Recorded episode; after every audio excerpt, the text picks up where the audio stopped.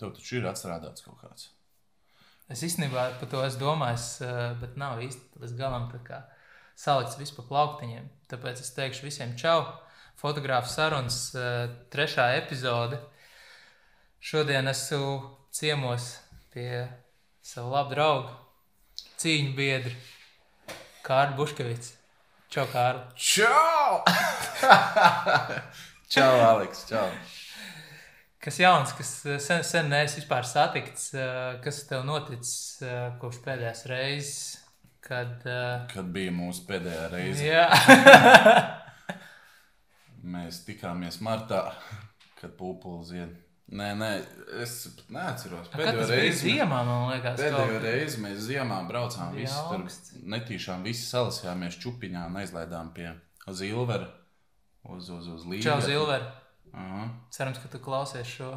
Un tev ir interesanti. Es viņam neteikšu, čau. Viņš zina, kāpēc. Labi, labi.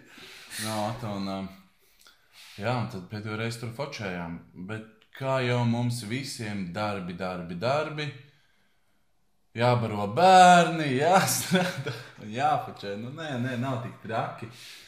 Vienkārši, tā, kad mēs sākumā ar tevi iepazināmies, tajā mums bija tas, tas entuziasms daudz lielāks, braukt un darīt un fočēt. Un, un, un, Tagad mēs esam piepildījuši tos savus mazos mērķus, ko izstrād, nu, izstrādājām vai izvēlējāmies pašā sākumā, kāpēc mēs e, gribam e, fočēt un e, kādus rezultātus dabūt. Un tā, mēs esam sasnieguši tos mazos mērķus, un tā jau mazliet viss tā noplūkt. Nu, tad, tad, tad jau gribās, tagad, laikam, jāiz, jāiz, nu, jāiz, jāizliek tādu lielāku mērķi, jau laikam priekšā ir.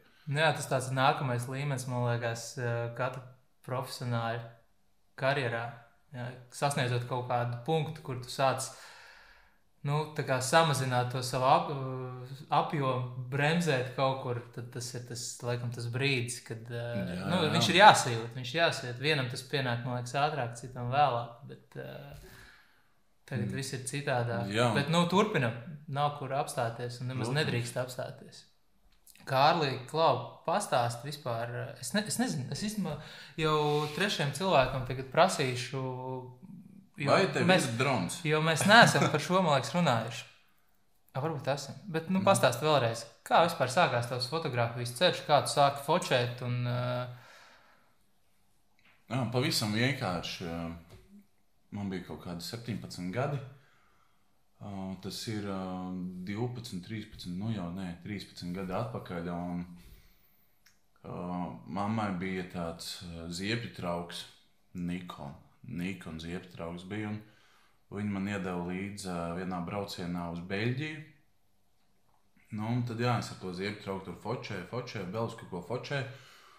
Un uh, tad, kad es atbraucu mājās, gāju cauri bildēm, tad ne tikai bija meitenes foršas atbildētas, bet arī bija uh, Uh, kaut kādus dabas skatus jau bija noķēris, un pilsētvide bija jau tā ar to ziepju trauku noķēris. Un man jau kaut kā sāka tā iepatikties. Un, un, un, un, jā, un tad ar mammu kaut kā tur runājām. Tad beigās šī tad parādījās tās spoguļu kameras, un, un Nikonam parādījās jā, jau tādas jau.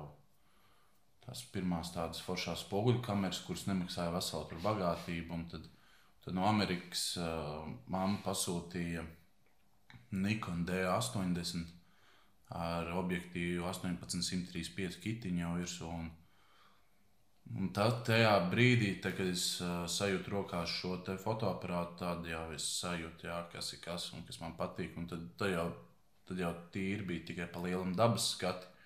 Daži varbūt kaut kādi portreti tika nofočēti vai pasākumi. Un tad jā, viena tādā tā kā sniega bumbas, tādā vēlienā no kalna viens pasākums, otrs pasākums, tad jau draugiem LV tika publicēts kaut kādas pirmās bildes, tad tālāk Facebookā jau tika publicēts kaut kas. Nu jā, un tad, tad, tad tā nāca lēnām kaut kur kaut kādiem uzņēmumiem, pasākumiem tika fočēts kaut kāds balles un ar to pašu fočiku mazo. Un, un tad es uh, Jālgavas kraklos strādāju par fotogrāfu. Un tad vienā balītē no letes eh, nosvieda savu fotoaparātu lejā, pārlūza objektīvs uz pusēm, izšķīda bateriju grips. Un, un tā man bija tā, wow. Bet Brīsāna ielā Džeki dara brīnumus. Viņi salika to objektīvu kopā, tas bija vispār nereāli, man liekas. Jā, un tad, tad tā, tā sākās, jā, tur uh, uh, tad sākās tā pa lielam. Ar to pašu fočuku tur mēģināju kaut ko fočēt. Pēc tam bija tāda um, pauze fotografēšanai, jo es strādāju bārā. Un, un, un tad tur bārs ar ballītēm visādām un uh, afterpārtiem vispārējo.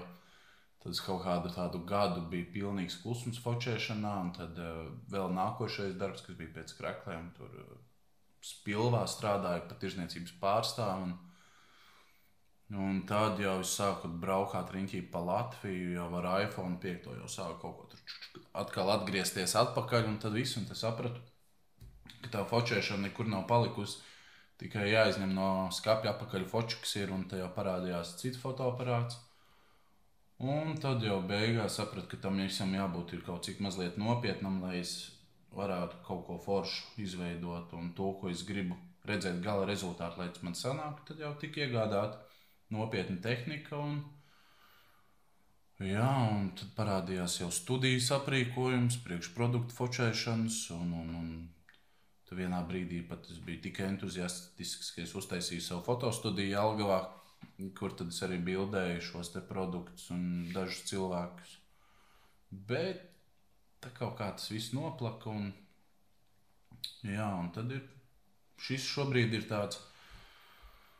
Un tāds ļoti labs hobijs un darbs, kuru baigi mīlu, ar kuru es atšaujos no sava ikdienas darba, kas ir alus darītava. Un, un, un tad es no tā baudu, reāli es to baudu pasākumu, kas esmu fočējot, eh, nonāku pie dabas, kas man visvairāk arī patīk. Nevis tikai tāpēc, ka man vajag bildi un aizbraukt fočēt, bet reāli es baudu to procesu, ka es varu staigāt pa mēžiem, pa takām, gar jūru, pilnīgi vienalga, ko tā ir pa lauku ķerot stīrnes. Galvenais baudīt to procesu. Tā kaut kā nonācu līdz šim brīdim, kurš esmu. Ok, ok. Tad, tad man, man šī bija gara pauze, kamēr tur runāja. Varēja apdomāt nākošo jautājumu. Jā, Kārli, tev droši vien ir daudz teikuši, ka tu esi talantīgs fotografs. Nē, tikai viens mamma. Nē, es jokojos. Ir, ir. Jā, Kā tev šķiet? Kas ir īsti talantīgs fotogrāfs? Un, uh, vai par tādu piedzimst vai kļūst? Uh, nē, nu, talants ir talants, ko, n, par kuru man liekas, var tikai piedzimt. Nē, nu, ir vēl. Uh, jā, nu, talants, talants. Jā, nu, talants par lielam, talantīgu cilvēku piedzimst tikai. Bet uh, es, uh, es domāju, ka katrs cilvēks savā būtībā ir talantīgs, arī runājot par fotografēšanu. Katrs atrod savā fotografijā kaut ko tādu, to, ko atkal citas, eh, cits fotogrāfs nespēja ieraudzīt un, eh, un, un, un ielikt tā kā galvenais mērķis, galvenais, eh, nu, kā, galvenais objekts attēlā.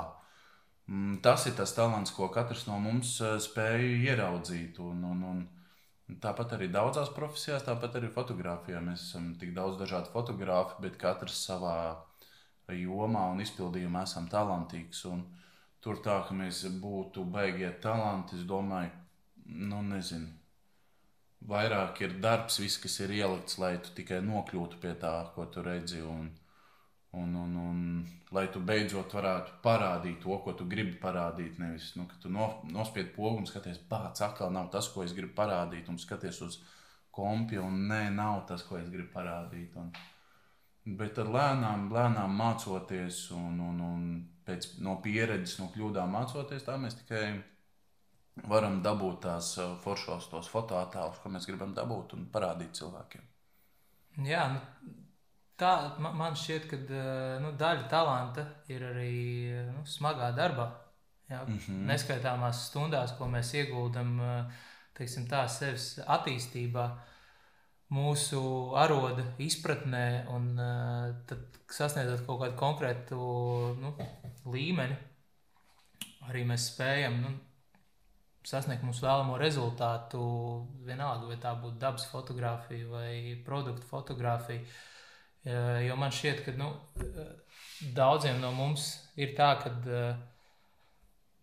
aizejot uz kaut kādu konkrētu vietu, kur mēs neesam bijuši, mums jau tā kā nu, apskatoties uz šo objektu, nezinu, dabas skatu, jau veidojās kaut kādas asociācijas, un mēs zinām aptuveni, kā varētu izskatīties tā bilde, ko mēs gala rezultātā arī nu, pasniedzam mūsu skatītājiem, nezinu, sev pašam. Jā, bet ziņā. man liekas, Aleks, ka tas lielākais talants ir dabūt no tām vietām, kur mēs esam pa lielam ikdienā, kur visi cilvēki ir ikdienā. Dabūt vēl to leņķi, dabūt to fokusā,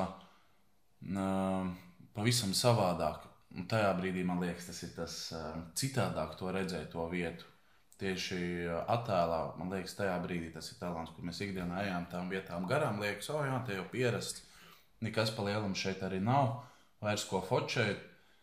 Bet tad, jā, pēkšņi tev atnāk tā kā, nezinu, sniegs uz galvas. Pats taču varēja šitā, var šitā vēl nofočēt, var tā vēl nofočēt. Ir visi, visi tādi varianti, vēl tomēr ir vēl vairāk variantu, kā šo vietu parādīt jā, skaistu, nevis tā kā mēs ikdienā esam nu, vien, no viena leņķa ejot garām vai, vai dodoties uz Ventus rumbu vai uz Siguldu, ja, kur viss fočē. Bet, ja tu aizej un padomā mazliet ilgāk un um, ieskaties, saprot, ieskaties lietās, lietās jā, un, man liekas, tajā brīdī ir tas, uh, tas fotogrāfs, tas, tas foršais um, acu, acu, acu skatiens, ko viņš ierauga.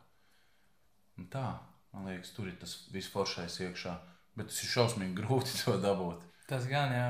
Uh, man, piemēram, uh, es, ko es esmu pamanījis, uh, dzīvojot Rīgā, uh, nu, tu katru dienu veic vienu un to pašu, aptuveni to mm -hmm. pašu maršrutu, ejot, piemēram, uz darbu vai uz veikalu, nākot atpakaļ, tu veic to pašu.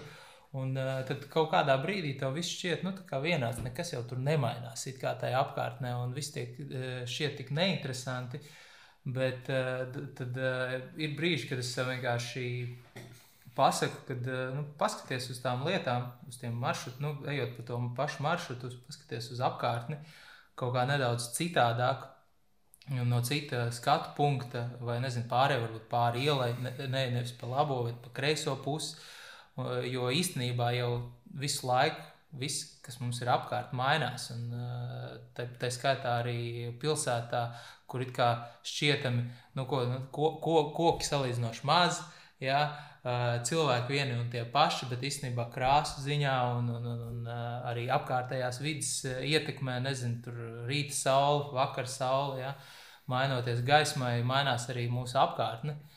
Nu, jā, un tad attiecīgi tieši tam dēļ es uzsāku focēt Rīgas ielas, lai teiksim, tā, veicināt savu bišķiņu, savu radošumu.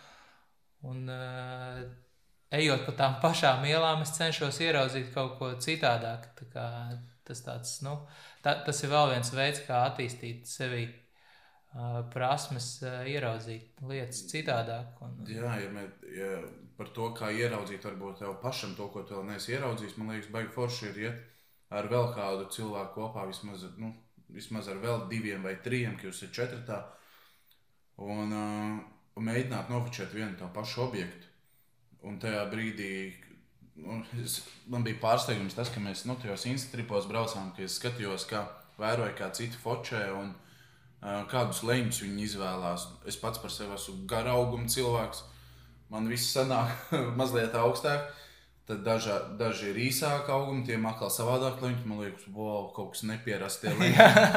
Jā, pieliekties pašam grūti citreiz šeit. Nu, tas skatos, kā Toms teica, tas vispār nu, zemes līmenī visu no apakšas fočē, pilnīgi visu fočē. Un tajā brīdī tu sāc saprast, bāc, jā, nu, ka no, no 5 cm augstuma līdz 2 metriem, un ja vēl tu vari uzkāpt kaut kur augstāk uz kādu mašīnas vai autobusu jumta, nu, tad tev ir atkal pilnīgi cits leņķis un pilnīgi cita bilde. Un tajā brīdī no tiem, tiem eh, leņķiem, dažādu augumu cilvēkiem, tur redz, ah, jā, šitā, šitā, šitā var. Un tad tā pašam kļūst arī interesantāk. Pamēģini skatīties, oh, jā, kaut kas jauns. Viena tā, pat, viena tā pati vieta, ja, viena tā pati ēka, bet kaut kas pilnīgi savādāk ir. Nu, tas ir forši. Jā, tas uh, ir tas teiciens, cik cilvēki tik viedokļi, cik daudz fotografu acu, tik daudz jā. arī kadru dažādu. Jā, jā. Jā, uh, ok, Kārlī, tev noteikti ir kaut kādi uh, veidi, kā tu iedvesmojies. Varbūt ir kāds uh, īpašs iedvesmas, iedvesmas devējs tev, uh, iedvesmas avots, kas tev liek neapsāties. Un uh, turpināt attīstīt savas prasmes, uh, fotografēt aizvien jaunas vietas. Un... Jā, nu, nu lūk, man. Uh Es sāku draudzēties ar, ar, ar, ar nu jau tagad man viņa ir sieva, ka es sāku draudzēties tajā laikā ar Madaru. Viņa man bija draudzene, viņa dzīvoja laukos. Un, kad es atbraucu uz šiem laukiem, man likās, wow, tik plaši saulriet un saulēkti, ka tu vari redzēt pilnīgi kā zemē iekrīt saule un nav neviena meža klāta, tīri pliki lauki, tālu, tālu prom visu redzēt. Un, tajā brīdī man likās, jā, tas ir tas ir tas. Un, nu, lūk, un, uh, man tā iedvesma joprojām ir šie saulrieti un saulēkti. Un, um, tāpēc arī esmu pārcēlies uz dzīvi laukos, tepat blakus, uh, kur sieva ir uzaugusi. Un, jā, un mēs šeit uh, dzīvojam un um, izējot ārā no rīta no mājas. Un, un, un tas ir tas, ko, um, kas man uh, fascinē, ka man apkārt aug labība, Uh, viņa mainās pa dienām, nepārtraukti skatos, kā labība izaug, kā viņa nogatavojās. Tad viņa tiek nopļautā, kā lauks tiek uzarts un aina nepārtraukti mainās. Nav visu laiku viena tā pati aina. Saula arī uh, tajā mēnesī lec tajā vietā. Pēc uh, sešiem mēnešiem viņa jau lec mazliet tālāk atkal. Un, un tas man patīk. Nu, un tie zvēri, kas gar mājas staigā nepārtraukti. Tas ir Tas ir tas, kas man oh, atkal ir stimuls nofučēt, priecāties par dabu un, un, un, un kaut kur doties tālāk, atkal dažādos meklējumos. Un, un tāpat mm, gribas dažādas vietas Latvijā vēl uh, apsakot, izbraukt, sabildēt, redzēt, uh, kādas tās vietas izskatās saulrietos un saulēktos. Jo, jo pilnīgi cita gaisma krīt, citas ēnas krīt. Un, uh, izgaismojās tās vietas, ko mēs neesam pat varbūt pamanījuši, kas nu, dienas gaismā izskatās plakans un jā, nu, parasts, parasts ainavas. Nu, lūk, un tas iedvesmas avots ir jā, tā daba, kas nepārtraukti mainās, un tāpēc no 28 gadu uh, dzīves pilsētā pārcēlēs uz laukiem dzīvojot. Un, jā, tā ir tā daba. Nu, un tad jā, tas garais uh, asfalta posms, vienmuļais caur laukiem, kas man liek tādas uh, 15 minūtes vienmuļas braukt, tad attiecīgā mūzika, uh, tad tā man uh, noskaņo pa lielam uz to focēšanu, ko tad es gribu redzēt un ko es gribu dabūt. Un, un, un ļauj man tajās 15 minūtēs izdomāt to gala rezultātu, tai bildē, ko tad es gribētu redzēt. Tas ir tas, tas, ir tas foršais. Nu, nu, pats esmu izvēlējies, ka izdomājis to vietu, kas man iedvesmos visu laiku, un tāpēc arī esmu šeit, laukos. Jā. Ok, uh, noteikti šis te mainīgais dabas, nu, mainīgā daba laukos ir viena vien lieta, kas tev kaut kādā mērā ir nu, izglītojusi un ļāvusi saprast kaut ko vairāk un palīdzējusi tev, teiksim, tieši fotografijas ziņā. Ja? Jautājums ir, vai kaut kādā veidā vēl tu izglīto sevi fotojomā ikdienā? Jā, nu, ja tā jāatcerās, kā sākās viss, tad uh, vēl joprojām pa lielam turpinās. Tas ir um, uh, laikam jau ieteikumi no daudziem citiem fotogrāfiem, tajā pat skaitā no tevis un no mūsu pārējiem visiem draugiem, kuriem mēs aizra, kuri mēs aizraujamies tieši ar dabas fo focēšanu. Un, un tad uh, tās zināšanas, jā, kas mums vēl papildus, ir uh, daudziem klāt kā no valde, jā, par drona, fo drona fotografiju un produktu fotografiju, tad uh, par cilvēku un pilsētvidas fotografiju no tevis un, un uh, no Lindas, jā, kā, un tu visu laiku spēji iemācīties nepārtraukt no cilvēkiem. Un, Un es neesmu arī savā dzīvē izticis no citu fotografu kritikas, tiešām tādas nu, sāpīgas kritikas.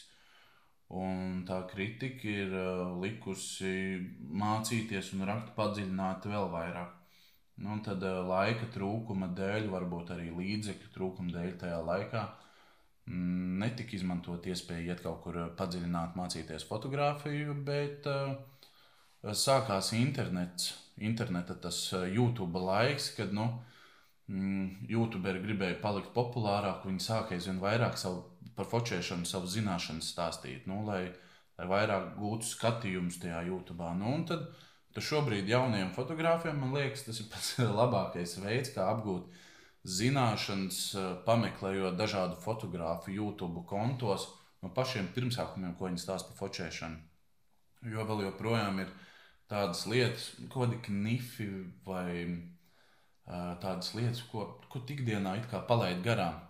Un tu saproti, jā, ja tu to lietosi, tā bilde kļūs vēl asāka, vēl dziļāka, vēl stabilāka. Un, Un, un, jā, tās tās tehniskās lietas, kas. Nu, un šobrīd ir, jā, ko es izglītojos vēl vairāk, tas ir vairāk skatos un mācos par produktu focēšanu.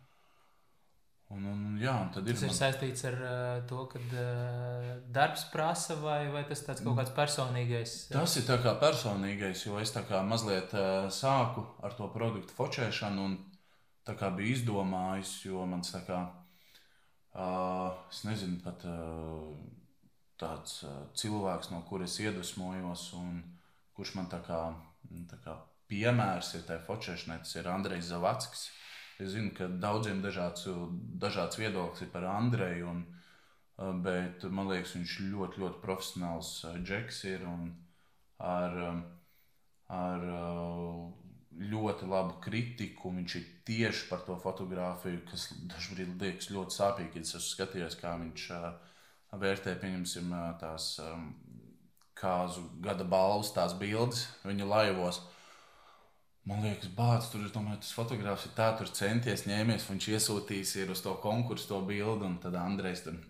Bet viņš tehniski pāriet pāri tai, tai bildei. Un, tajā brīdī, arī skatoties viņa tos laivus, es saprotu, bāc, jā, šit, nu, jā, tā varbūt nav pareizi. Tā varbūt nav pareizi. Jā.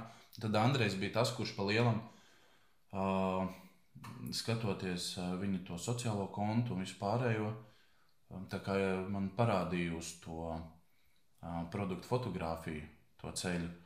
Un, ja mēs tā skatāmies, tad produktu fotografija ir viena no ienesīgākajām nišām tieši fotografijā.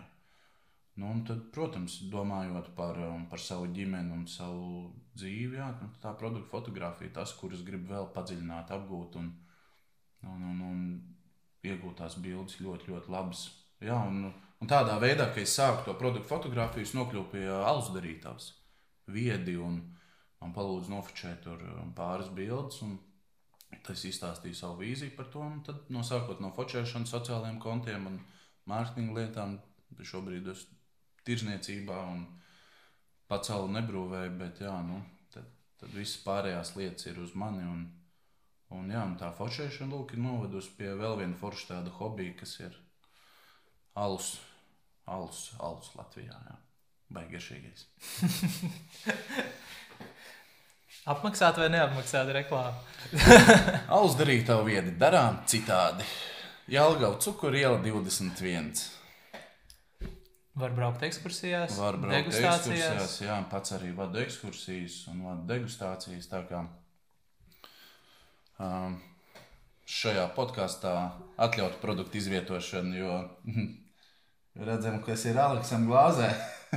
es jau cenšos nedzert, lai zinātu, kā lai. Uh, Nofočēsimies. jā. uh, Keikārlī eh, fotografija, kā mēs eh, zinām, ir tāda ļoti dinamiska un eh, ļoti mainīga stēla. Daudz visādas lietas notiek, gan focējot, gan arī, teiksim, nu, pēc tam apstrādājot bildes. Varbūt tev ir palicis atmiņā kāds ļoti spilgts kurjos, kas saistīts ar focēšanu, ko tu gribētu pastāstīt. Mm, kurjos, es pat nezinu. Kurjos, kurjos. Nē, nu ir. Ir kaut kādas lietas. Nē, nu, kurjos jau ir daudz atgadījušies. Es nezinu, tur viens no tiem piemēriem liekas, viss tas uh, brauciens uz Alpiem ar kemperi, ka mēs devāmies. Viens liels kurjos. Viens Tas bija liels kurjos, tas bija pasākums. divu nedēļu garumā. Kurjos. Jā, nu šausmas, kā var kaut ko tādu izdomāt. Nu, ar pilnīgi četri nepazīstami cilvēki uz divām nedēļām, nepilnām jā, uz Alpiem ar kemperi. Bet tu, tu zini, ka tu esi lielākais šī brauciena varonis, jo tu izstūrēji visu lielo ceļu viens Un pats. Tur nebija variantu. Tu zini, kāpēc. Nebija variantu. Un, un bija forši, bet, bet apskaties, es atceros, jā, bija kaut kāds decembris, bija izdomājis visu. Pats gribās uz to šeit. Tad, cik var skatīties to Instagram, jāizbrauc pašam. Un tad es tev kaut kādā janvārī vēlu vakarā, es atceros, bija 11. es gāju gulēt. Un, un man, um, es nezinu, es biju precējies, nebija precējies. Man liekas, bija, jā, bija precējies. Un, Un es sievai prasu, saku, pats man baigi gribās, vai tu varētu man palaist ar kemperi uz, uz tik un tik dienām uz uh, Alpiem. Viņa saka, nu, ja tu ļoti, ļoti gribi to, tad mēs taču esam runājuši savā starpā, ka tās lietas, mums, kas mums ļoti patīk un mīlam, mēs viens otram nestāsimies ceļā un tikai atbalstīsim. Tad dari to, un tad es tev uzreiz arī Vācijā uzrakstīju, saku, Aleks, tādu un tādu lietu, tik un tik uz Alpiem, un tu es atceros, kā tas tikai viens tāds teikums, es esmu iekšā. Es saku, kur tu jau iekšā? Es saku, jau kemperī. tas bija, tas bija. Man liekas, ka tas bija, jā, tas bija, tas bija vakars, un es īstenībā gāju jau gulēt. Es, bet varbūt tā arī nav. Es neatceros īstenībā precīzi, bet uh, nu, skaidrs tāda ideja un tādu uh, avantūru nu, nevar laist garām. Un tu baigi izdomā, jāieraksta Facebookā, ka mēs piedāvāsim divas brīvas vietas. Jā, Jā, un tad uh, tur nebija variantu. Jā, un tad tajā laikā man vēl bija jānoliek tiesības, ko es Jā, arī nevis. neizdarīju. Baigais drāņķis tur bija. Jā, un tad, nu, lūk, jā, un tur, tas viss brauciens bija baigi foršais. Un, un redzējām un piedzīvojām to un bišķi norūdījāmies. Bija un- smagi, bet bija katra tā kilometra un katrs tās. Uh, Mm, pavadītās dienas. Pavadītās dienas vērts, jā, noteikti. noteikti. Nu, Super, nu kas, kas vēl varēja būt labāks pie Lāgo de Braisa? Tā bija tā kulminācija tam visam braucienam, kaut mēs bijām izbraukuši jau nedēļu vairāk jau ar sliktu laiku un apmācies un kalnus. Mēs neesam redzējuši kalnu virsotnes tikai tādu kalnu. Ik pa brīdim pa māko, caur mākoņiem kaut kas jā. spīd, varbūt tās nedaudz. Un tu nesaproti, kas tas tāds ir vispār. Un, un tu, kad pie tā Lāgo de Braisa aizbrauc- aizbraucām, ka bija sniegputens, bija apsnidzis, viss bija balts. Tad, uh, tad sāka noskaidroties vakarā. Mēs redzējām fantastisku saulrietu. Tad mēs aizgājām uz kemperi, sadzērāmies lētu alu un lēto vīnu. Nu, labi, nebija tā. Lētie lētie vīni, viņš nav, viņa nebija tā. Mēs sadzērāmies to vīnu, tad, tad mēs gājām naktī tādā zvaigznes fočēt vēl. Bija skaidrs, fantastisks skats pie tā Lāgauda Braisa ar to kalnu un, un zvaigznēm. Un, un, um, Un tad vēl saulēks. Un gājām uz saulēktu, jā, un tad nākamā diena visa silta saulē, kad tas sniegs bija jau viss nokusis. Mēs varējām katrs pats par sevi vienkārši pabūt un pastaigāties gar ezeru un izdomāt savas domas un, un, un, un salikt. Un tas, bija, tas bija baigais kaivs, ko mēs, man liekas, mēs esam viena no tiem retiem cilvēkiem, kuri divu dienu laikā ieguva šādu te Jā, skatu, pieredzi un, un, un, un gada lai, nu, laika apstākļu maiņu, baigi foršo. Nu, tad, man liekas, lūk, tas bija tas, kas bija nereāli. Nu, Krūta, tā. ne, tas bija tiešām nereāli. Krūta. Jā jau Lagoda Brāļs priekš manis arī ir īstenībā nu, viens tāds no spilgtākajiem uh, mirkļiem manā dzīvē, kad uh, tu sēdi tur uz tā akmens, uh, tas, tas, tas ezers, tie kalni lielie. Dzīves, tāds zaļš, gan zils. jā. jā. Un tu liecies tāds tik niecīgs, mazs un tāds. Uh, Nu, tās emocijas es nevaru aprakstīt. Tur vienkārši jāizbrauc un pašam tas jāizbauda. Un, uh, tos, uh, to mēs laikam arī novēlam. Ja, ja ikvienam, ne tikai fotogrāfam, uh, aizbraukt uz kalniem. Un, Apstāties un un izbaudīt apstāties. mirkli. jā. Tieši tā, tieši tā. Tas ir kaut kas tāds neaprakstāms un no citas dimensijas, tās sajūtas, teiksim, Tā, ā, jā, jā, tas tāds Lagoda brāļs un vispār albu brauciens. Tā, tā bija ļoti laba pieredze. Ok. Saist, saist, sasaistot arī to braucienu, varētu parunāt par mūsu mīļo platformu Instagram. Kā, mm. kā tev šķiet, vai Instagrams tavuprāt ir platforma numur viens fotogrāfiem 2019. gadā? Instagrams ir pat labākā platforma, visi lieciet savus bildes tur.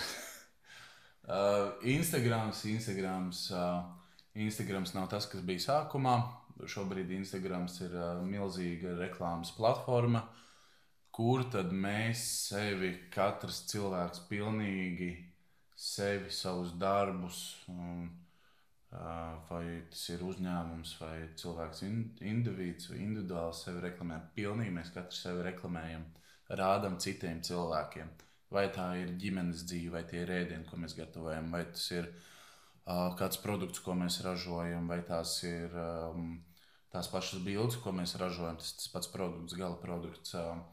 Instagram ir milzīga reklāmas platforma, kura šobrīd uh, mūs piespiež ar savu algoritmu maksāt naudu, lai mēs kļūtu redzamāki nekā tas bija pašā sākumā. Uh, saprotu, kāpēc šobrīd tas tā ir. Tāpēc, ka um, agrāk nekas uh, labāk nestrādāja, kā sakotājs skaits tavam profilam. Uh, Un tas liecināja par to, cik labs tev produkts ir, vai cik labs cilvēks tu esi, vai cik labs ir tas saturs, ko tu rādi. Bet cik sapratām, tas viss ir um, fakes pa lielam, liels, jo sāk parādīties viltus profili, kas tev veidoja to sekotāju skaitu. Nu, tad ir uh, saucamie, nu, ar to cilvēku pelnīja naudu, pārdeva šos te viltus profilus Tu ātri varēji iegūt sev 35, 000, 70, 000, 100, 000, 120, 000 un 200 pār tūkstošu sekotājus. Uh, un uh, naudas summas diezgan liels par to, kas bija jāmaksā. Un, nu, lūk, un, uh, es domāju, ka daudzi, daudzi, daudzi um, sociālie mēdīji vai aģentūras uh, arī izmantoja šos te fake, fake, fake uh, nu, kontus. Un, uh, Līdz ar to viņi piedāvāja sev tā kā viņi saka, reālus sekotājus. Mēs piedāvājam jūsu kontu, mēs reāli strādājam ikdienā ar tavu to Instagram kontu, pieņemsim, ja tas ir mans uzņēmums. Bet reāli tas tā nenotika tajā brīdī, kad mēs redzējām, tas tā nebija noticis tajā brīdī, kad mēs redzējām, ka liekas, rudenī vai šajā, ne, šā gada ziemā, kaut kādā janvārī vai februārī parādījās tas, ka pēkšņi lielajiem kontiem nu, sāka pazust milzīgs skaits sekotāju. Un um, tādām publiskām dāmām, kas ceļo un reklamē vietas, vai drēbes un vispār, jau ka pēkšņi viņām sāka pazust 200 tūkstoši sekotāju. Ja, no, no viņu tiem uh, miljonu sekotājiem pēkšņi 200 pazūd. Un, un tajā brīdī bija skaidrs, ka uh, mēs esam kļuvuši par tādu tā kā uh, upuri tam visam. Nu, lūk, tāpēc tagad jaunie, kas grib tikt iekšā tajā Instagram vidē un kļūt populāri, šobrīd tas darbiņš ir daudz mazliet sarežģītāks. Tāpat kā uh, jebkurš uh, reklāmas uh, vieta vai plats, kurā tu gribi parādīties. Un tev ir daudz jāpiedomā pie savu saturu, jābūt viņam kvalitatīvam. Ja mēs orientējamies uz maksātspējīgo publiku, ja mēs orientējamies uz tādām fanu lietām vai uh, vai, vai, vai, vai tādām nenozīmīgām, vienkārši parunāt par muļķībām, parādīt uh, visādas stulbas darbības un smieklīgas uh, dažiem cilvēkiem un uh, kaut kādas uh, citas lietas, nu, tā ir tā mērķa auditorija, uz ko viņi strādā. Nu, tad, tad mēs dažreiz varam sas, uh, nu, satraukties par to, ka uh, kādam um, pamatskolniekam vai vidusskolniekam ir nezinu, desmit reizes vairāk sakotāju nekā mums, bet viņš uh, uzvedās un uh, savā Instagram storiju vidē un Instagramā rāda pilnīgas muļķības. Bet viņu tā, viņu tā auditorija ir tie paši viņu jaunieši, viņu vecuma posms palielam. Bet uh, mēs jau kā pieauguši strādājoši cilvēki, mūsu mērķa auditorija tomēr ir tā maksātspējīgā publika, uh, kura tad uh, grib nopirkt to mūsu pakalpojumu, to fotografiju, fotografēšanu.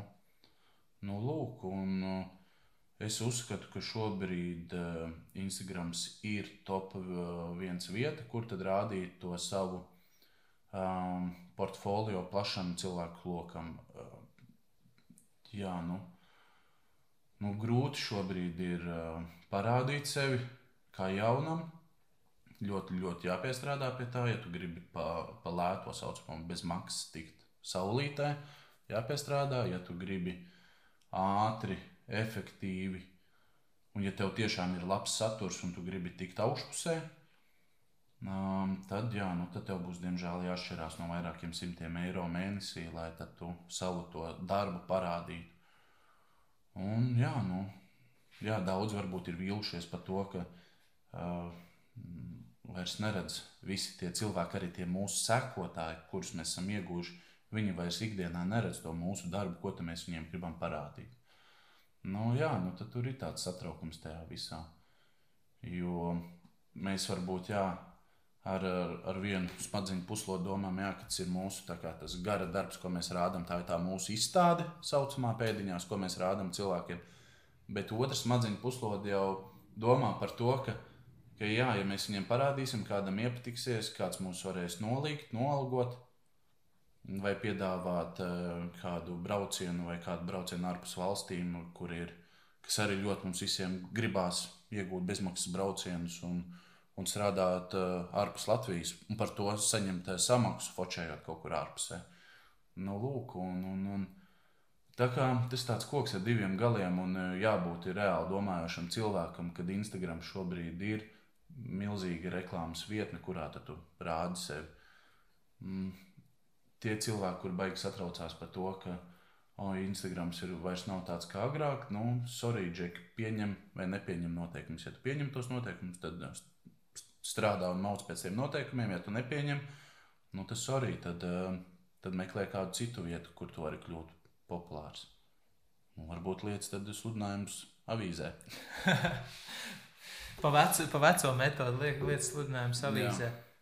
Uh, ir tā, ka uh, man šķiet, ka uh, nu, Instagrams, uh, ņemot vērā, protams, visu tevis uzskaitīto, ka ir šī, te, tā ir šī reklāmas platforma, algoritmi ir nobeiguši daudz, pie, nolikuši pie vietas daudz fotogrāfus. Šī platforma kā tāda būtībā, manuprāt, ir ļoti laba vieta, kur jauniem fotogrāfiem mācīties, smelt iedvesmu.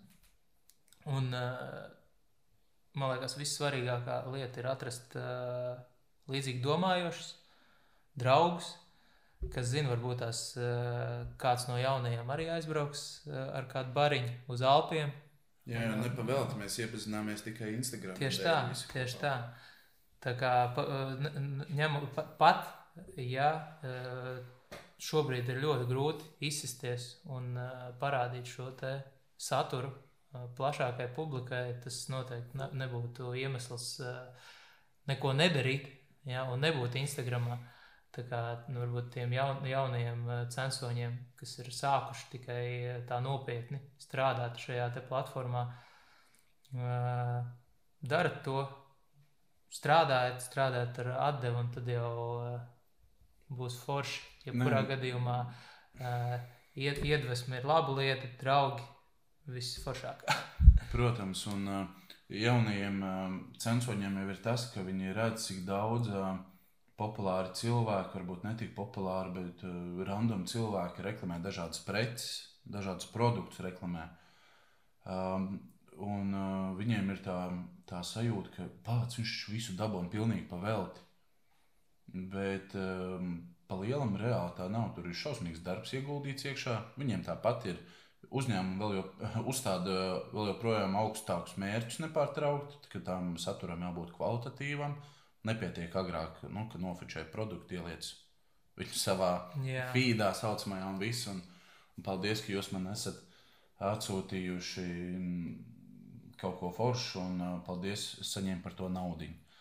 Nu, šobrīd ir tas, ka man liekas, Instagrams daudziem saistās ar to, ka var kaut ko dabūt pavelti tikai tāpēc, ka tev ir daudz sekotāju. Nu, diemžēl tā šobrīd nav vairāk, jo uh, cik man ir nācies strādāt ar šādām te kaut vai pašām aģentūrām, kas pārstāv dažādus uzņēmumus, tad, nu jā, nu, viņi grib ļoti kvalitatīvu saturu, viņi Viņi spiež uz to mērķa auditoriju, kas ir tavi sekotāji. Nu, lūk, tur ir tiem jaunajiem jāsaprot, ka visu pamatā tomēr ir liels darbs parādīt kaut ko un, un tik pie kāda bezmaksas produkta, kurš beigās ieguldītā darba dēļ, kuru tu esi nofočējis, nemaz nav bezmaksas. Jā, un arī, protams, nu, nevajag aizmirst, kāpēc vispār Uh, tu fotografē ne jau tāpēc, lai tev kāds kaut ko pavēlti iedod. Vai, vai, vai tu... Protams, tas viss ir baigi forši, ka tev ir produkts pavēlti, ka tu saņem par to naudu. Bet uh, man liekas, šis te viss, tas, tas, tas mārketings un uh, nauda ir ļoti kā, nu, aizstūmus to, to galveno domu tam visam uh, tādā ēnā. Un uh, mēs zaudējam to, to, to galveno Kāpēc mēs to darām? Es vienkārši domāju, ka mēs bijām naivi pašā sākumā. jo arī, arī man īstenībā, nu, kaut kādā mērā, tā, kad es sāku darboties Instagram, iedvesmoja uh, mani draugi. Uh, un, uh, tas tie, īstenībā tās, bez, tās bezmaksas lietas kaut kur, protams, tev zemapziņā nosēžās un, un viņas tev tā kā uh, nu, liek uz to iet, neapzināti vai apzināti. Bet uh, gal galā pamat, pamat uh, doma un pamat kā, darbības virziens bija, nu, es gribēju fočēt, un es gribēju attīstīt savu prasmi. Uh, Instagrams uh, nu, deva tādu tā kā, tā kā spērienu, nu, tā, pa, pa, pa dibeni, jā, lai, lai tu piecelies, ej un dari, jā, un tas uh, motivēja. Un, uh, nu, caur, caur šo motivāciju, caur šo darīšanu, jā, nu, tu vienkārši izaudzis par to, kas tu esi šobrīd. Zini, kā man bija Aleks, bija, es, kad sāku Instagram, es atceros, man, tas bija kaut kāds arī janvārs, februārs. Uh, uh, bija vairāk kā trīs gadi atpakaļ. Nu, būs jau četri gadi, man liekas. Un, un man bija tas mērķis, ka es, uh, man bija privātais konts, un es izdomāju, oh, varbūt jāsāk likt savus bildītas iekšā Instagram. Nu, es tur ieliku, jā, tur pāris, tur, tur Eģipte, vēl tur kaut kā Turcija kurš bija ceļojis un uh, no Latvijas kaut kādiem skatiem. Un tajā brīdī, jā, tur pēkšņi pa vienu bildi simts laiku, o, super. Tur. Uh, jau tuvojas 200 laikiem, un viss. Un tajā brīdī man cilvēki jau, jā, tev baigi forši sanāk, un tā, un tā. Un, un es atceros, kā viens, es, uh, tad vēl viņa nebija sieva, draudzene bija. Viņai saka, es reāli gribētu, lai man Instagramā ir 10,000 sekotāju, un un dabūt preci pavēlti. Un es reāli gribu Danielu Wellingtonu pulksteni, jo es biju tikko nu, sācis pa lielam tā plaši skatīties uz Instagram, nevis tikai uz saviem uh, draugiem, kuriem es sakoju, bet reāli skatīties uz visiem pasaules cilvēkiem, kuri ceļoja. Un es gribēju arī, insta pateicoties Instagramam, arī ceļot, kaut kur nokļūt, darot to darbu, kas man visvairāk patīk fočēt. Kas vēl būtu var skaistāks, būtu, ka tu vari ar fočēšanu, ar to darbu, ko tu mīli, samaksāt par ceļošanu un lietām, kurām tu, ar kurām tu vari dzīvot. Un, un tas bija mans mērķis. Vēl kā tagad, atceros, desmit tūkstoši sekotāju un dabūt lietas pa vēl. Nu, da, Daniel, un galvenais Daniela Wellington pulkstenis. Jā, un pagājuši, pagājuši pavasarī man uzraksta Daniela Wellington. Es tā kā māsa puika. Un tad es sapratu, no nu, tāda es beidzot esmu nopietns Instagramers. Un tas bija forši, un viņi uzraksta un visu. Un es domāju, nē, man vēl, man, es tāpat vienkārši to, tā kā viņi man uzrakstīja, domāju, pats, kā tas to pulksteni, kā tas nofočēšu. A tajā laikā es vispār nedomāju par, kā es nofočēšu, gribēju Danielu Wellingtonu. Es domāju, nu, kāpēc viņi man nevar iedot, ja es tā forši bildē, nu, nu es viņiem neliko saistīts. Bet tad beigās, jā, es sapratu, ka nu, tā Baltijas valsts nonākuši beidzot ir viņu tajā mērķa lokā. Un, Un, un, un tad um, fotogrāfi un saucamie tie uh, influenceri dažādi, jeb, jeb iedvesmotāji par dažādām lietām, citiem cilvēkiem nonākuši viņu mērķu lokā. Viens no tiem arī biju es. Pašā sākumā, kad nu, tās Baltijas valsts, Latvija arī tajā skaitā tika. Un, un, un, un es domāju, nu, kā es tā savā feedā likšu uh, pulksteni, kur ir kur ir stirnas, safučētas dažādi dzīvnieki, dabas skati, jūras, tur viss kaut kas pēkšņi tagad parādīsies pulkstenis. Nu, jā, un um, es domāju, ka tas bija viegls darbs. Nē, es biju izdomājis, uh, ka es gribu nofočēt uh, pulksteni ar stirnu kopā. Ka stirna pienāk pie manis. Es domāju, tas ir reāli. Izrādījās, jā, ka tas ir reāli. Un es piecas dienas braucu, zināju, kur vienā vietā pie mājām ir uh, pieredzināts uh, stīrnu āzis, kurš tad uh, ik pa laikam parādās, jo viņš nāk uz gardumiem, tur viņam garšo burkāns un rupmaizi. Nu, un tad es katru dienu nopakojies ar burkāniem rupmaizi. Un Nevis medībās. Nevis medībās, bet reāli vienā vietā gaidīt. Nu, un tad um, izrādās, ka Stīrnās ir pieredzējis uh, pie citiem cilvēkiem. Viņš pazīst viņu to smaržu. Um, tajā brīdī, kad viņš sajūta mani, viņš uzreiz aizskrēja prom. Es nezinu, vai es biju. Diez vai ka es smirdēju, ja es būtu smirdējis. Nu, tā kā mēs uzskatām, ka smirdējis. Cipolmais nebija. Jā, nu varbūt, um, ja es nu, būtu tā smirdējis, tas varbūt viņam liktos mazliet patīkamāks. Jā, bet, um, ik, nu, jā, un tajā brīdī, kad es uh, viņu dabūju sev tūlīt klāt, tad es arī nofočēju to, to pulksteni ar to stīrnu fonā. Nu, lūk, bet piecas dienas es braucu katru dienu pa vairākām stundām, gaidīju, kad viņš beidzot parādīsies. Nu, un tajā brīdī mēs domājam, vai tas bija uh, vērts tā Daniela Pulksteņa, nu, Daniela Wellingtona Pulksteņa dēļ. Es domāju, ka nē, uh, bet uh, vairāk tas, ka es sev jau pašā sākumā uzliku mērķi, kādu to bildi gribu dabūt. Es negribu nofočēt viņu parasti. Es gribu okay, sarežģītu, tehniski grūti izpildāmu bildi, varbūt pat neiespējamu, bet es tādu gribu dabūt. Un voilà! nu, ja mēs skatāmies tādā mērā, atkal ir jāieliek katrā tajā bildē, jāieliek tāds smags darbiņš. Ir. Varbūt citam tas liekas vieglāks no malas, bet aiziet, lūdzu, pamēģiniet paši to izdarīt.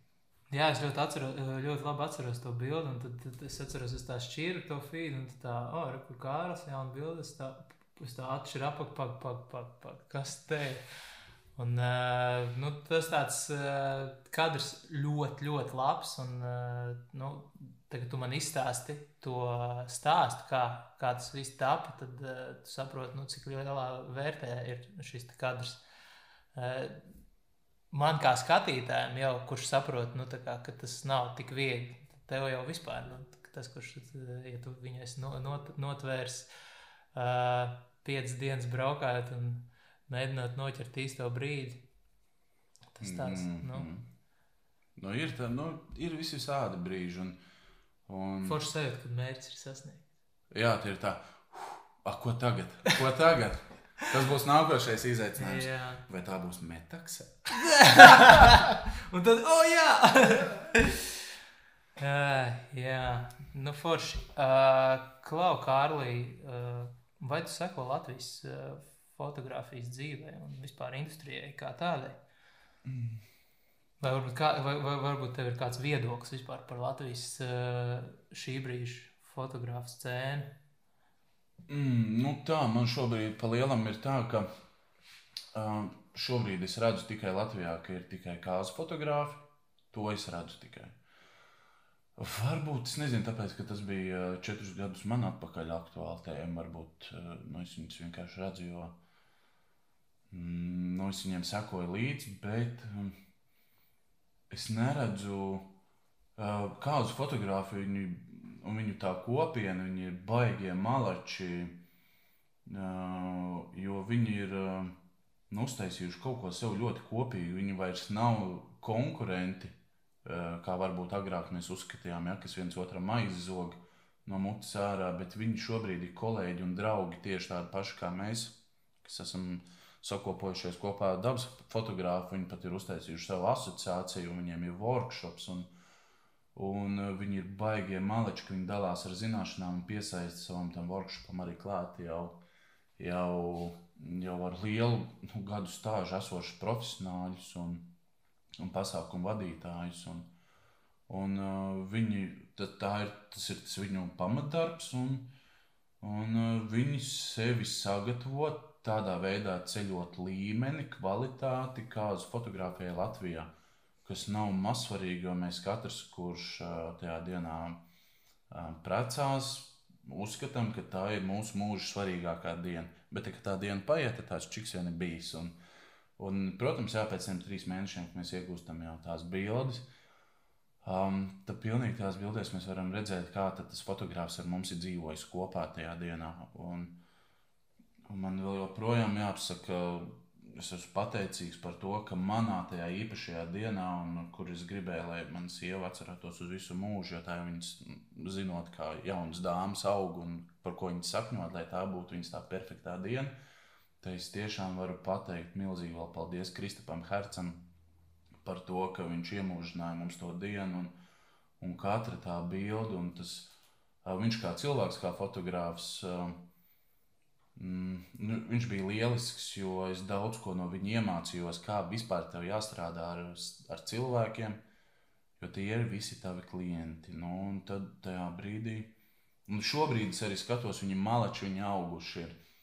Nu, ko es vēl gribētu novēlēt? Es gribētu novēlēt uh, daudziem arī tiem pašiem produktu fotogrāfiem, neslēpties tikai pie sevis studijā, bet uh, bet, bet, bet varbūt dalīties viens ar otru zināšanās. Un tieši tāpat mēs, ainavu un, un, un, un dabas fotogrāfi, arī beigt viens, uztu, viens otru uzskatīt par konkurentiem, būt uh, viens vesels. Tādā veidā mēs tikai varam spēt celt to uh, fotografijas līmeni Latvijā un, un, un, un tiešām parādīt to, ka tā visa tehnika, mēs esam, par kuru mēs esam samaksājuši, un tas ieguldītais darbs, ka mēs varam beidzot ar to nopelnīt. Un, un tas ir tas, jā, kāpēc lai, nu, tas gala rezultāts liecina par to, ka tas līmenis ir audzis. Un, un, un, jā, tāpēc varbūt es arī redzu tikai tos kāzu fotogrāfus šobrīd, jo, jo viņi strādā katrs pie sevis, viens ar otru.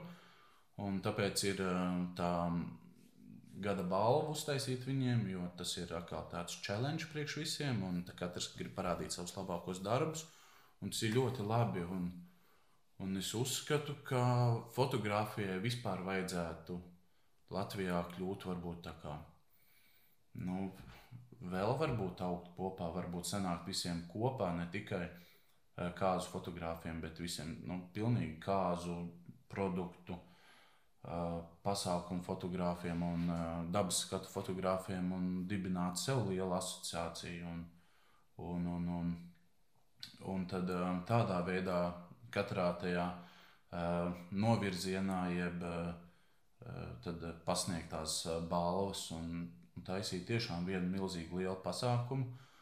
Un tas, es domāju, ka tas tikai un vienīgi palīdzētu mums visiem, un mēs iegūtu daudz vairāk. Un dalī, galvenais, ka dalīties savā, mums jātiecās. Jā, un galvenais dalīties zināšanās vienam ar otru, jo, ok, jā, tu domā pie sevis, bācis, es esmu mācījies tur un tur tādās skolās, esmu gājis, iztērējis tik un tik naudu, tu atnāc un man paprasti, un tev tas tā kā no skaidrām debesīm tu visu zini. Nē, tā gluži nav, jo viņam vēl tas dzīvē jāpielieto, un es gribu redzēt, kā viņš dzīvē to pielietos. Un, un, un, nu tā, jo nu, pa lielam tur tie fotografi arī tādā veidā arī uh, iztīrās pat tā, man teikt, daudzi atkrīt kuri sākumā domā, ka viņi varētu būt fotografi. Uh, es vēl joprojām domāju, ka es neesmu uh, labs fotogrāfs, un man ir daudz kur jāmācās, un es turpinu mācīties, un iedvesmoties no citiem, un skatīties, un, un um, kritiski raudzīties uz tām bildēm, ko es esmu nofočējis. Protams, ir tā, ka es esmu nofočējis divas dienas pie dabas vai vēl kādā pasākumā. Nu, un es domāju, nu, kas tu esi pilnīgs? Ambāls, nu, kā var kaut kā šitādi nofočēt? Nu, nu, viss bija tev skaidrs, viss tev priekšzināšanas ir, bet nē, tu esi palaidis to vienu svarīgāko tehnisko daļu garām. Un, un tā bilde ir.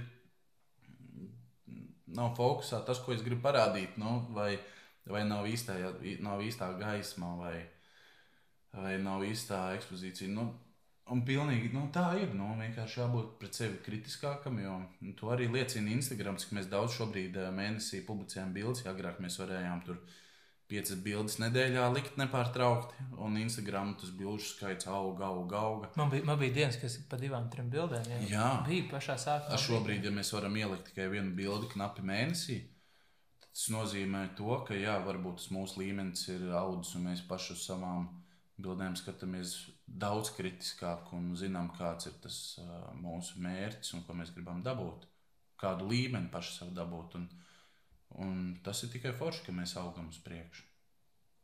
Pats baigi gari. Baigi, gaigi.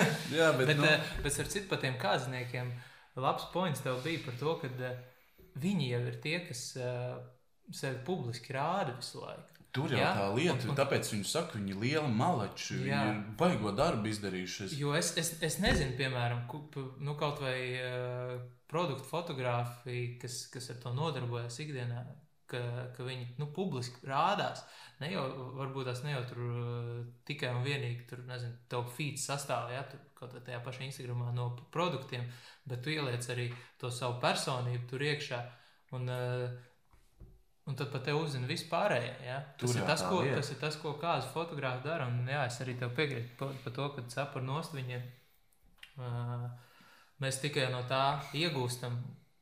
Uh, es nezinu, dabas fotografija, portretu fotografija, ja, jo kāds jau ir tāds ļoti dinamisks pasākums. Tur ir jābūt zināšanām produktu fotografijā, portretu fotografijā, dabas fotografijā. Ja, tas tāds labs treniņš. Ja, es domāju, arī jauniem censoņiem, tie, kas uh, sāk savus fotogrāfijas, kādreiz piedāvā fošēt kāzas, neatsak, neatsakiet. Tas ir bailīgi. Jā, jā, sākumā tas varētu likt- šķist bailīgi, bet uh, nu, bailēm nevajadzētu būt uh, tam šķērslim, kas attur no, no tās. Uh, nu, no- No, tā, no to mirkli iemūžināšanas, ja tas ir tāds labs treniņš. Uh, Kārli, uh, kā tev šķiet, tu esi profesionāls fotografs? Es jau gaidīju, kad man šo jautāts. E, jā, es esmu profesionāls savā tajā lietā, ko es vislabāk pārzinu.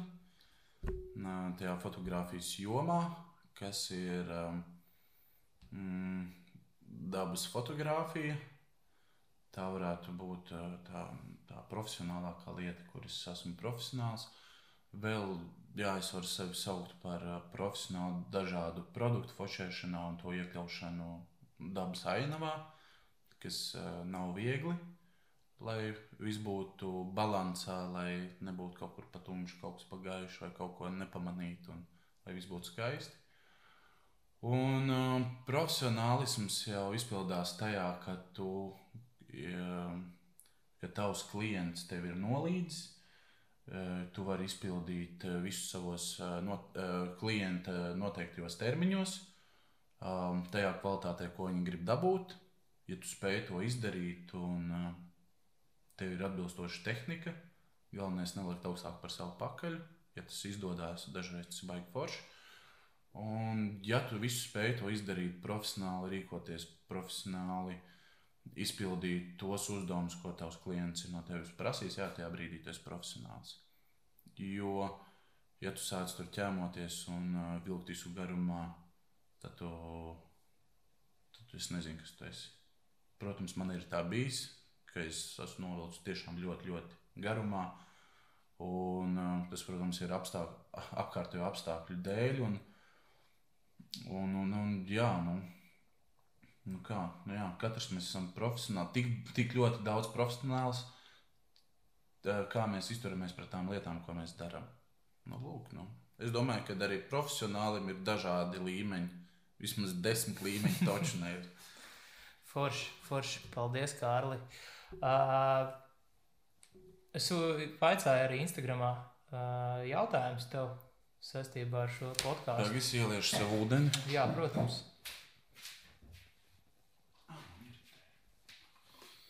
Iespējams, pa- pa šo laiku, kamēr mēs runājam, ir iekrājušies vēl kādi jautājumi. O, tieši ir. Tieši viens. Tā, kopā mums šodien ir septiņi jautājumi. Ū. Septiņi jautājumi, Kārli.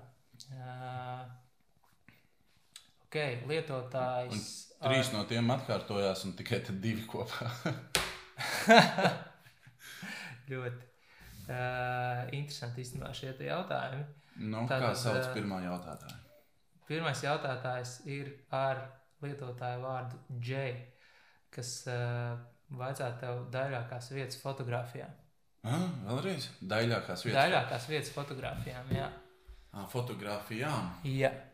Ah, Es nezinu, vai tas ir domāts Latvijā vai pasaulē vispār, bet uh, nu, tu vari izpausties. Nu tā. Daļākās vietas, nu, daļš būs pilnīgi jebkas, jebkura dabas parādība, kura tev būs negaidīta un, un, un, un īstajā mirklī notvērta. Tā būs visdaļākā vieta. Tas var būt tavs mājas pagalms, vai tas var būt jebkurš lauku ceļš, uz kura, pieņemsim, putni sasēdušies, vai, vai tā var būt migla. Un vairāk šie te uh, objekti, jeb vairākas, uh, uh, vairāki notikumi tajā brīdī, kad tu esi, ja tu to spēj nofiksēt, nu, tad tu esi trāpījis desmitniekā. Un, nu, pa, par, par lielam, ja pa Latviju skatāmies, tad kas mums ir um, daļas vieta, jebkura uh, vieta uz Latvijas jūras piekrastes, pilnīgi jebkura vieta ir uh, daļa. Um, Līgatnes dabas parks, tāpat Sigulda un Siguldas takas. Ejiet, lūdzu, vairāk par tām takām, un ir atklātas vēl daudz dažādas jaunas takas. Uh, nepie, nevajag tikai aprobežoties to, ka jūs aiziet līdz panorāmas ratam vai līdz turētas pilī aizbraucat.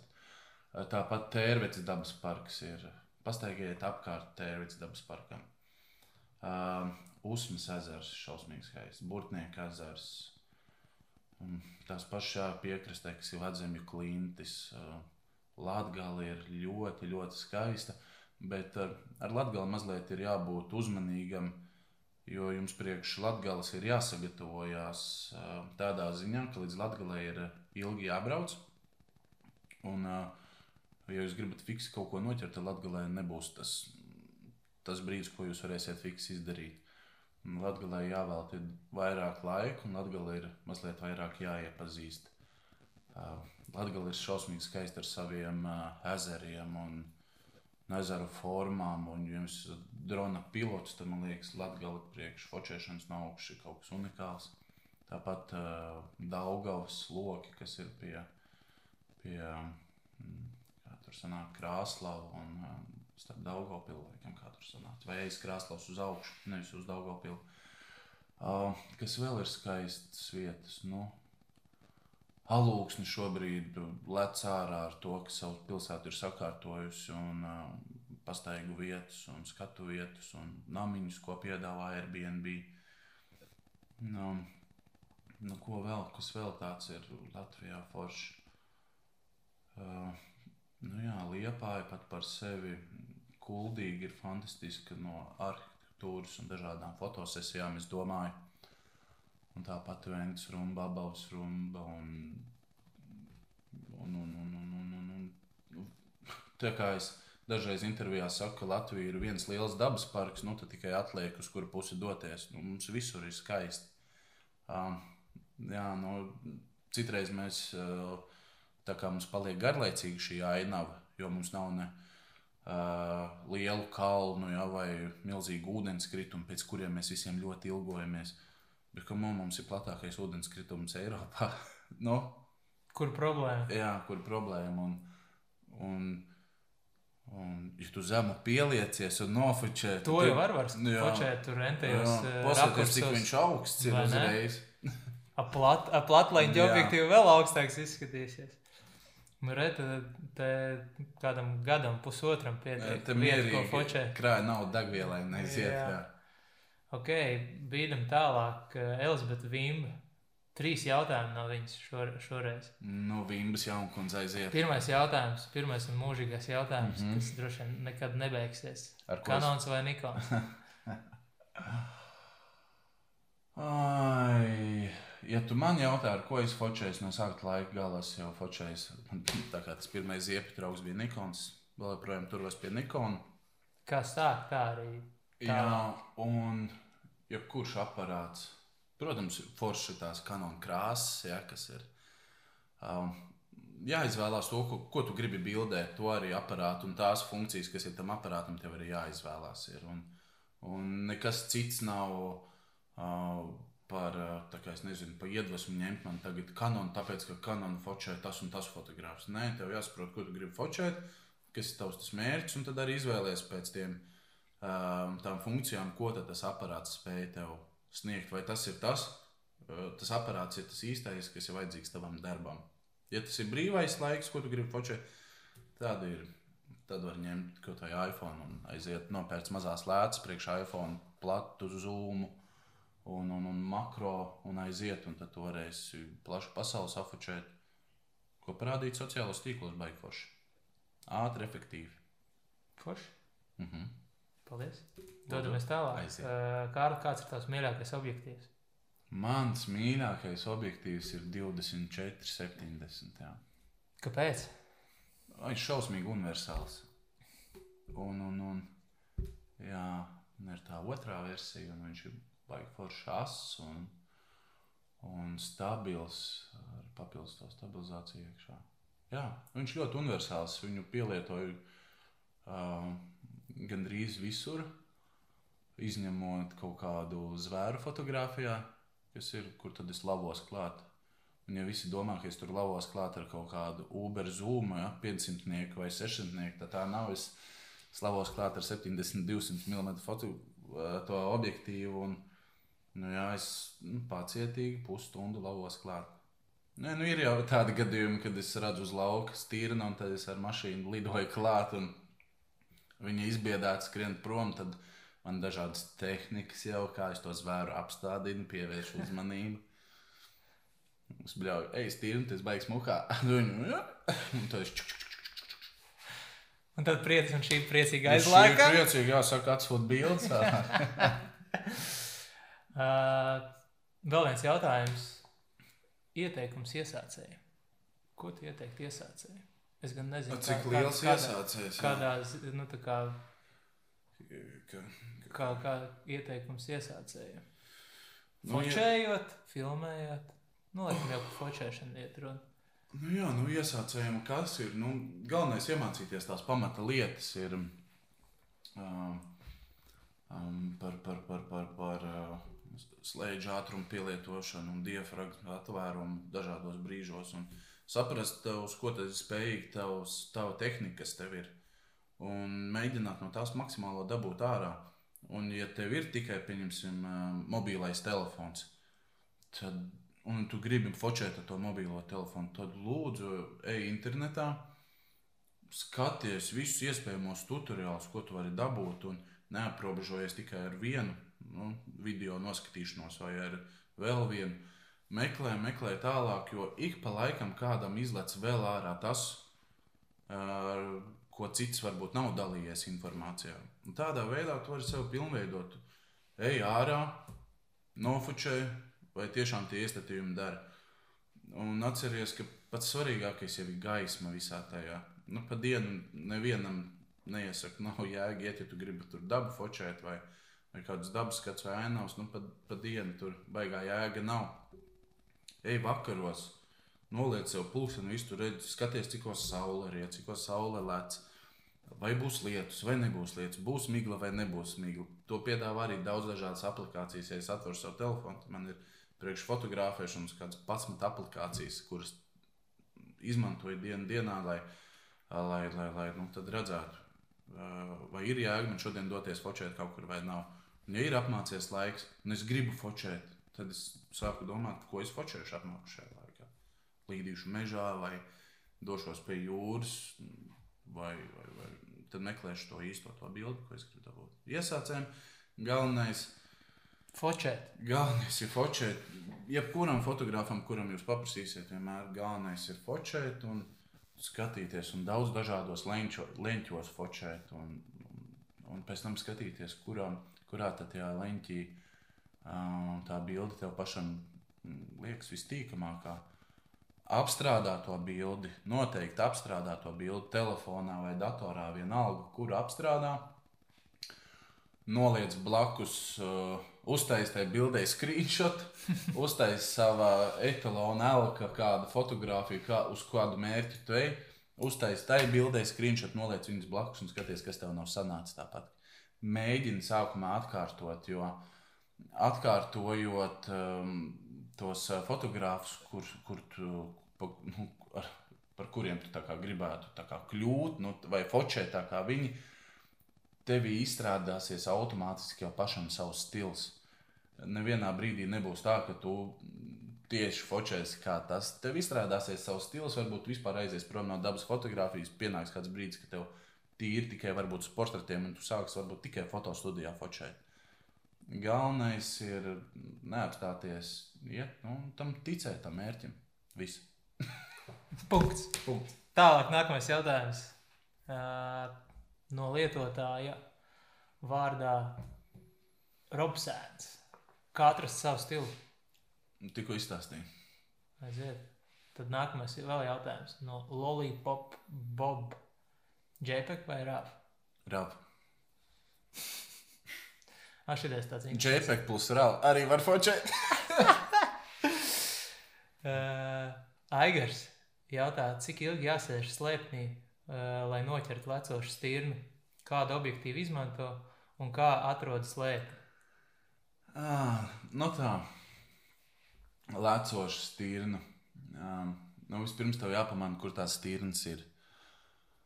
Um, man pa lielam noteikti tā, es ieraugu, kur ir stirna. Visi izvēlos. Um, noteikti braucu garām uzreiz, nestājos, aizbraucu tālāk, izkāpu ārā no mašīnas. Un, nu, šī būs tiešām tā ā, pamācošais tas, uh, brīdis, ko es tagad stāstīšu, ja jūs gribat nofočēt stirnu. Um, izkāpiet ārā, paskatieties, no kuras puses pūš vējš. Ja vējš pūš no stirnas puses, droši tad jūs zinat, ka pie, jū- jūs pie viņas varat iet klāt. Bet eh, nu, no tās, eh, tās vietas, no kuras jūs gribat lavīties klāt, tas ir. Ja vējš pūš no tās vietas, kur jūs atrodaties un gribat lavīties klāt stirnai, eh, stirni jūs jau sajutīs pat 300 metru mm, attālumu jūsu ķermeņa aromātu un, un dzirdēs pilnīgi katru soli, kur jūs iesiet. un Jūs, ok, jūs tai stirnai pieiesiet līdz 200 metru klāt. Viņi sapratīs, ka tu šmurgulēs pat tuvu man pienācis, es dodos tālāk. Un vienā brīdī viņai apniks un viņa aizskries prom. Tā tad pret vēju vienmēr ejiet pie stirnas klāt, lai viņi jūs nesajustu. Uh, jo, jo lielāks vējš un skaļāks laiks ir, vai tas ir ziemā putenis vai kas, izcils brīdis, lai pieiet klāt pie stirnas, pie zvēriem. Vispār es esmu pielīdzis līdz 10 metriem, pat man liekas, vēl mazāk uz vēdera pielīdzis klāt. Protams, jāizvēlās, ir, ja tas ir tā ziema atbilstošs apģērbs, krāsas ziņā, ja tas ir pavasaris vai rudens vai vasara, tad atkal attiecīgais apģērbs, kā tad izskatās ainā. Tad tā, tas zvērs jūs mazāk ieraudzīs. Kas vēl? Es izvēlos savu 70-200 mm objektīvu, bez nekādiem konvertieriem, bez nekā. Uh, lavos klāt. Iesaku, iesaku izmantot uh, vienalga, kur- jebkuru zoom objektīvu. Ejiet klāt, nu, un tad, uh, lai lecoši ir nofočēti, nu, tur ir tādi divi varianti. Viens variants ir būt modram tajā brīdī, kad viņi tevi tulīt pamanīs, un tā stirna sāk skriet projām. Un uh, viņa lec, viņa bišķi, bišķi paskrien, un tad, uh, ja viņa pamatīgi izbija, izbijusies, tad viņa sāk lekt. Viņa kaut kādus tur piecus soļus uztaisīs, tad ir lēciens, atkal piecus soļus uztaisīs, ir lēciens. Citreiz viņas lec kā negudrs. Un tad tajā brīdī, tā, kad viņi ir augšā, tad jau esi gatavs. Un tik šauj pa viņu. Un, un, un es pielietoju tādu brīdi, kad es jau esmu pielavījies klāt un uh, Un tās stirnas tur ganās uz rīņķa, tur viena vai divas, vai, ir, vai stirnu kaza ar saviem mazajiem stirnu kazlēniem. Un tad eh, tajā brīdī, kad man tas viss ir apnicis, viss piekus nosvīdis, lavīties klāt, tad es bļauju. Es viņus bļauju virsū viņām, viņas ir izbiedētas. Es pieceļos Šīs kājās. negriežās un nepauzē. Ir- Šīs tiks Jā, un, uh, un, un tad tev jācer uz to, ka viņa nu, skries tev garām perpendikulāri. Sanāk, jā, lai tu nu, tieši visu viņu to ķermeni, lai nav pakaļ tev fonā vai tikai priekšpusē fonā, kas, kas ir ļoti reti izdo, varētu izdoties, ka viņi tev skrien virsū. Bet, nu, kad viss tas sāns ir un kad viņi, ja izdodas noķert to, ka priekškājas ir uz priekšu un pakaļkājas ir uz pakaļ, gaisā viss viņi tiešām ir kā supermens lidojošā ragē. Nu, tad tas ir tas uh, superkadrs, ko tas dabūjis.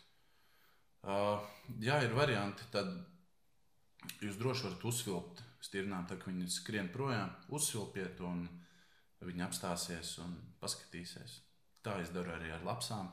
Lapas, ja skrien prom, tad arī uzvilkt viņu. What? kas tas ir vilkt manā laukā. Un, un, un jā, labs apstāsies. Un, jā, un es taču ar to lapsas bildi un koku un saulrietu fonā iekļūstu Tēna Vandera kontā. Taču tieši, tieši tā bija, kad es gan stīrnas fočēt, es eh, zināju, ka tajā vietā ir labs, jo es tur biju braucis garām. Es izdomāju, ka es aiziešu vēl padzināt to lapsu tur. Nu, un tad es dabūju to bildi. Un... Jā, un forši. Tas tāds vēl viens sasniegums. O, jā, Profesionālā karjerā, tāds. Jā, un... savā ziņā. Jā, es biju kāzās, atceros, un pēkšņi skatos, nāk apsveikums. Domāju, kāda apsveikuma, kas ir tur? Paskatos, un ir e-posts Steina Vandera kontā, kas, ā, kas ir ā, zem Aleksa Strohla, jā, man liekas. Viņš tur bija ar viņiem kopā, bet jā, nu, tur ir pasaules ā, mēroga fotografi, kur ir noķēruši ļoti labus kadrus. Nu, lūk, jā. Nu, tāda ieteikuma ir tikai no pieredzes, un es joprojām kļūdos no tā, ka es braucu un redzu uz, uz lauka malā iztīrnu, un es ai, ātri pielavīšos viņai klāt, visu dabūšu to bildi. Nu, tad tur iztērēts laiks un materiāls. Bet uh, liels paldies īstenībā par šo te tutoriālu, ko tu tikko izstāstīji. Es palieku tepat. Jā, nu, mēs, Došos var, vakarā. mēs varam izbraukt stirnu safārī tepat apkārt. Man ir 35 pietiks. Mierīgi, es tev, Aleks, tā pieradīšu klāt. Ka... Varēs vai- portretu, stīru portretu. Stirnai zaus atvilkšu pie tevis. Fočē! Ok, Forši, Kārl, milzīgs paldies tev par uh, sarunu, par uh, viesmīlīgu uzņemšanu pie sevis mazlaukos. Īzī, jā, mazlauki. Brauciet! Jā, brauciet uz stirnu safārī. Nebrauciet ar eh, 19 colu diskiem tikai. Labs ir. Uh, visiem čau, fotogrāfs sarunas. Tiekamies atkal nākamreiz. Čau, čau!